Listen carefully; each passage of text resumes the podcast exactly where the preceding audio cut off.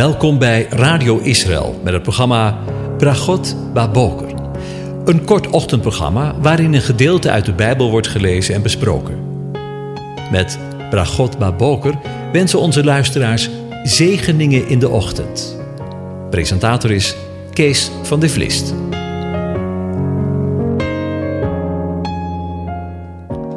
Hartelijk welkom, Bokatov, beste luisteraars. Vanmorgen denken we weer verder na over Psalm 104, of min of meer naar aanleiding van Psalm 104. Ik lees de eerste 13 versen aan u voor. Loof de Heere mijn ziel. Heere, mijn God, u bent zeer groot. U bent met majesteit en glorie bekleed. Hij hult zich in het licht als in een mantel. Hij spant de hemel als een tentkleed. Hij maakt de zoldering van zijn hemelzalen op de wateren. Hij maakt van de wolken zijn wagen. Hij wandelt op de vleugels van de wind. Hij maakt zijn engelen tot hulpvaardige geesten, zijn dienaren tot vlammend vuur. Hij heeft de aardige grondvest op zijn fundamenten. Die zal voor eeuwig en altijd niet wankelen. U had hem met watervloed als met een gewaad bedekt. Het water stond boven de bergen. Door uw bestraffing vluchtten ze. Ze haasten zich weg voor het geluid van uw donder. De bergen rezen op, de dalen daalden neer op de plaats die u ervoor bestemd had. U hebt ze een grens gesteld die ze niet zullen overgaan. Ze zullen de aarde nooit meer bedekken. Hij wijst de bronnen hun lopen naar de dalen, zodat ze tussen de bergen doorstromen. Ze geven alle dieren van het veld te drinken, de wilde ezels lessen er hun dorst. Daarbij wonen de vogels in de lucht. Hun stem klinkt tussen de takken. Hij bevochtigt de bergen vanuit zijn hemelzalen. De aarde wordt verzadigd door de vrucht van uw werken. Vandaag denken we in deze aflevering verder na over de woorden van Yeshua die hij op het Lofuttefeest sprak. En het waren deze woorden: Wie in mij gelooft, zoals de schrift zegt, stromen van levend water zullen uit zijn binnenste vloeien. Wanneer we u de voorgaande aflevering niet geluisterd heeft, wil ik u aanraden deze eerst te beluisteren om het verband van het onderwerp beter te, op te pakken. Dat even vooraf. We halen het laatste gedeelte van de voorgaande uitzending nog even terug. Dit zevende feest het Lofuttefeest, dit Sukkot, is een heel uitbundig feest. En wordt ook gezegd, gij zult vrolijk zijn. Je kunt dat natuurlijk als een gebod opvatten, maar ook als een voorzegging. Het Lofuttefeest is een druiven- of een wijnoogst en tegen gelegenheid daarvan werd dit feest, deze hoogtij, gevierd. Vreugde en een groot feest. Het spreekt van het zevende, het volle, de voltooiing van Gods plan met deze wereld. De oogst is binnen. Wat een feest! De grote Shabbat die aan zou breken voor deze wereld. Voor Israël, maar ook voor de volkerenwereld. En de profeten spreken er ook van dat wanneer de Messiaanse rij wereldrijk gevestigd zal worden, dat het Loofhuttenfeest wereldwijd gevierd zal worden. Want zagen we in Zacharia 14. En het staat daar echt zwart op, wit. En leest u het zelf maar eens. Het zal geschieden dat al de overgeblevenen van alle heidevolken tegen Jeruzalem zijn opgerucht, van jaar tot jaar zullen opgaan om zich neer te buigen voor de koning, de Heere van de legermachten, en om het Loofhuttenfeest te vieren. Het Loofhuttenfeest heeft dus alles te maken met het Messiaanse wereldrijk. Met het millennium, met deze hoogtijperiode, met deze grote zevende dag. Wanneer we dan wat verder lezen in Leviticus 23, dan lezen we in vers 39 iets opmerkelijks. Op de eerste dag is het rustdag en op de achtste dag is het rustdag. Eigenlijk is dat heel opmerkelijk, want het feest duurt maar zeven dagen, hebben we eerder gelezen. Maar er blijkt dus sprake van een achtste dag te zijn. Deze dag blijkt dus geen deel meer uit te maken van het Sukkot, het Lofuttefeest. Maar blijkt er wel mee te maken te hebben. In het Jodendom viert men op deze dag Simchat Torah. De vreugde van de Torah. De vreugde van het onderwijs dat God geeft. En dat is eveneens een feest dat erg uitbundig gevierd wordt. JHWH die zijn woord heeft gegeven aan zijn volk. Maar tegelijkertijd weten we dat de achtste dag verband houdt met een nieuw begin. De acht heeft te maken met de nieuwe schepping. De dag dat het nieuwe leven tevoorschijn kwam uit het graf. De steen werd weggerold.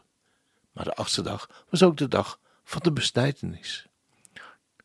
De achtste dag was de dag van de onthulling. Tot zover even de inleiding op de dag dat we lezen dat Jezus op het Lofuttefeest aanwezig was en de woorden uitsprak zoals we die lezen in Johannes 7. Want we lezen daar, en op de laatste, de grote dag van het feest, stond Jezus daar en riep: Als iemand dorst heeft, laat hij naar mij toe komen en drinken. Wie in mij gelooft, zoals de schrift zegt, stromen van levend water zullen uit zijn binnenste vloeien. Er blijkt bij de uitleggers van dit feest oneenigheid te bestaan over de dag waarop Jezus, Yeshua, dit sprak. Het Lofuttefeest, Sukkot, duurde maar zeven dagen. Dus vanuit dat oogpunt zou je kunnen zeggen dat het de laatste, de zevende dag van het Lofuttefeest was. En als er verder in de tekst geen nadere aanduiding bij gestaan had, hadden we kunnen denken aan de zevende dag. Maar omdat er zo nadrukkelijk bij vermeld wordt dat het op de laatste, de grote dag van het feest was, als extra toevoeging, als extra verduidelijking, dan moet het haast wel de achtste dag zijn. Want van de zevende dag wordt eigenlijk in de schrift niets bijzonders vermeld. Van de achtste dag, dat wordt echter in vier zaken in het bijzonder genoemd. We lezen namelijk in vers 36 van Leviticus 23 het volgende. Op de achtste dag moet u een heilige samenkomst houden. En de Heere een vuuroffer aanbieden. En een bijzondere samenkomst u mag geen enkel dienstwerk doen. 1. Er moest dus een heilige, dus een apart gezette samenkomst plaatsvinden. 2. Er moest de Heer een vuuroffer aangeboden worden. 3. Het betrof een bijzondere samenkomst. En 4. Er mocht geen dienstwerk, geen slavenarbeid gedaan worden. Dit feest spreekt dus van een feest dat God voornemens is, straks en in de toekomst. Hij zal deze schepping bevrijden van het dienstwerk, van het slavenwerk, of anders vertaald van de slavernij. In de rust en in de vrijheid brengen. Paulus spreekt hier bijvoorbeeld ook over in Romeinen 8, waar we lezen in de versen 18 tot en met 23. Want ik ben ervan overtuigd dat het lijden van de tegenwoordige tijd, hoort u het slavenarbeid, niet opweegt tegen de heerlijkheid die aan ons geopenbaard zal worden, met rijkhalzend verlangen. Immers verwacht de schepping, het openbaar worden van de kinderen van God. Want de schepping is, met, is aan de zinloosheid onderworpen, niet vrijwillig, maar door Hem die haar daaraan onderworpen heeft hoort u, hoort, hoort u door deze woorden heen de, de, de slavenarbeid. In de hoop, zeg vers 21 dan, in de hoop dat ook de schepping zelf zal bevrijd worden van de slavernij, het verderf, om te komen tot de vrijheid van de heerlijkheid van de kinderen van God. Want wij weten dat heel de schepping gezamenlijk zucht en gezamenlijk in barensnood verkeert tot nu toe. En dat niet alleen, maar ook wij zelf, die de eerstelingen van de geest hebben. Ook wij zelf zuchten in ons, in de verwachting van de aanneming tot kinderen, namelijk de verlossing van ons lichaam. Tot zover. En juist op deze dag, op de achtste dag dus, op deze toegevoegde dag, staat Jezus in de tempel en roept het, zoals we lezen in Johannes 7. Blijkbaar met enige verheffing in zijn stem, want er staat nadrukkelijk dat hij riep: Als iemand dorst heeft, laat hij tot mij komen en drinken. Want wie in mij gelooft, de schrift zegt, stromen van levend water zullen uit zijn binnenste vloeien. Iedereen moest dit als het ware horen. In veel Joodse toelichtingen op dit vers wordt verwezen naar het Joodse gebruik dat in de dagen van het Lofuttefeest dagelijks water geschept werd vanuit het badwater van Siloam en dat dit gebracht werd gedurende de zeven feestelijke dagen in een optocht naar het tempelplein. Wanneer we dit weten, geeft dat wat meer achtergrond aan de opmerking van Jezus op het tempelplein, waarin hij tussen de mensen staat en tussen de mensenmassa staat en roept: Als iemand dorst heeft, laat hij naar mij toe komen en drinken. Je kunt je zomaar voorstellen dat dat onder zijn toehoorders tot wat rumoer geleid heeft. Natuurlijk is het zo dat Jezus, Yeshua, daarbij refereert aan schriftplaatsen uit het Eerste Testament. Nog een keer, Jezus roept: Wie in mij gelooft, de schrift zegt. Hoort u het? Stromen van levend water zullen uit zijn binnenste vloeien. Hij verwijst hier dus naar woorden die eerder opgetekend zijn. Maar welke zijn dat? Het is in ieder geval van toepassing op het land van Israël tijdens de zevende dag, tijdens het nieuwe millennium die binnenkort aan zal breken, waar het Lofuttefeest een beeld van is. In Ezekiel 47 lezen we een geweldig vooruitzicht op wat binnenkort zal plaatsvinden. En ik vind het een gemis wanneer we dit hoofdstuk niet zouden lezen, want het spreekt, let op, over de nieuwe tempel, waaruit water stroomt. Laten we gewoon de eerste twaalf versen eens lezen. En de vertalers hebben erboven gezet het heilige water uit de nieuwe tempel. Daarna bracht hij me terug naar de ingang van het huis, dus de tempel. En zie, er stroomde water uit. Van onder de drempel van het huis naar het oosten, want de voorkant van het huis lag naar het oosten.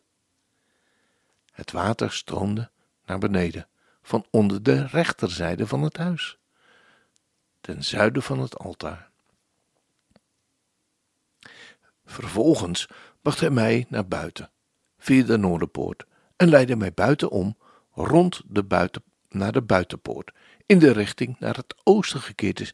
En zie, uit de rechterzijde borrelde water. Maar de man met een hoofdletter naar het oosten naar buiten ging, was er een meetlint in zijn hand. Hij mat er duizend el en liet mij door het water gaan. En het water kwam tot de enkels. Hij mat weer duizend el en liet mij door het water gaan. Het water kwam tot de knieën. Toen mat hij weer duizend en liet mij er doorheen gaan. Het water kwam tot de heupen. En nog eens mat hij duizend el. Het was een beek waar ik niet door kon gaan, want het water was heel hoog. Water waar men alleen zwemmen door kon. Een beek waar men anders niet door kon gaan. Hij zei tegen mij: Hebt u het gezien, mensenkind?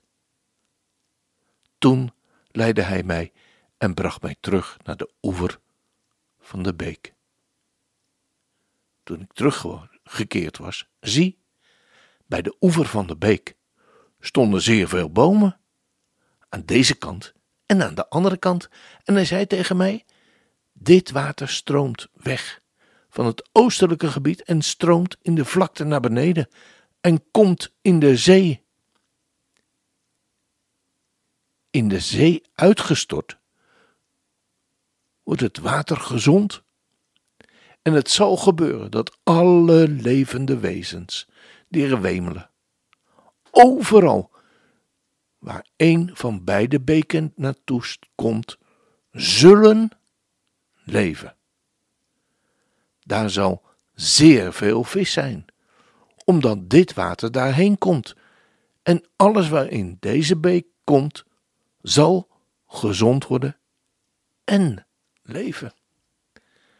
Verder zal het gebeuren dat er vissers langs zullen staan, vanaf Engedi tot en Echleim. Er zullen droogplaatsen voor sleepnissen zijn. Hun vis zal van elke soort zijn, zeer talrijk, zoals de vis in de grote zee. Maar de moerassen ervan en de poelen ervan zullen niet gezond worden. Ze zijn aan het zout prijsgegeven. En langs de beek, langs de oever ervan, zullen aan deze kant en aan de andere kant allerlei vruchtbomen opkomen, waarvan het blad niet zal verwelken en waarvan de vrucht niet zal opraken. Elke maand zullen ze nieuwe vruchten voorbrengen, want het water ervoor, ervoor stroomt uit het heiligdom. De vrucht ervan zal tot voedsel dienen en het blad ervan tot genezing. Als dat geen zegen is. Ik, wil, uh, ik wilde het uh, deze keer hier even bij laten. De volgende keer willen we verder met elkaar erover nadenken, over de betekenis van wat we hier lezen en de relatie van de woorden die Yeshua riep bij het tempelplein. Vanmorgen heb ik een vrolijk lied uitgezocht, wat denk ik heel toepasselijk is bij wat wij vanmorgen overdacht hebben. Het is lied 459 uit de bundel Opwekking. Levend water, verfrissend, vrij, het stroomt de berg af tot in de vallei. Het is Gods rivier die je vreugde geeft. Hij brengt vernieuwing aan alles wat leeft. Daar bij de rivier Ga je voeten dansen, daar bij de rivier. Zing je hart een lied, daar bij de rivier. Ga je ogen lachen. Kom, drink het water, ontvang het om niet. Het bruist van leven in Gods rivier. Wie daarvan drinken, verheugen zich hier. En ben je eens in de stroom geweest? Daar blijf je dorstig naar meer van Gods geest. En op de berg in Gods heerlijkheid daar zien wij Jezus, Yeshua, in majesteit. En langs de oevers van Gods rivier, daar juichen wij. Want Zijn liefde is hier.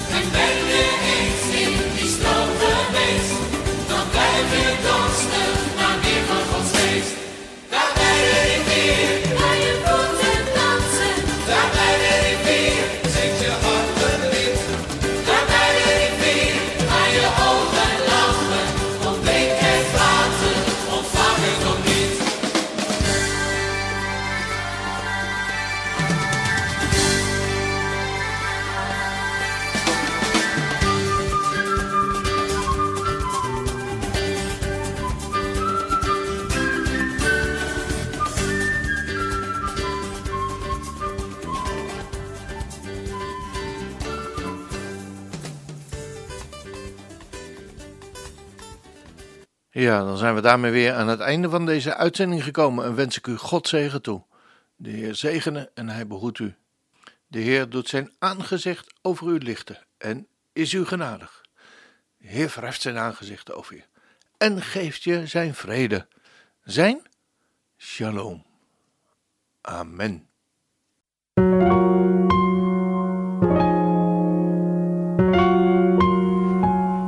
U hebt geluisterd naar het programma Bragot Baboker.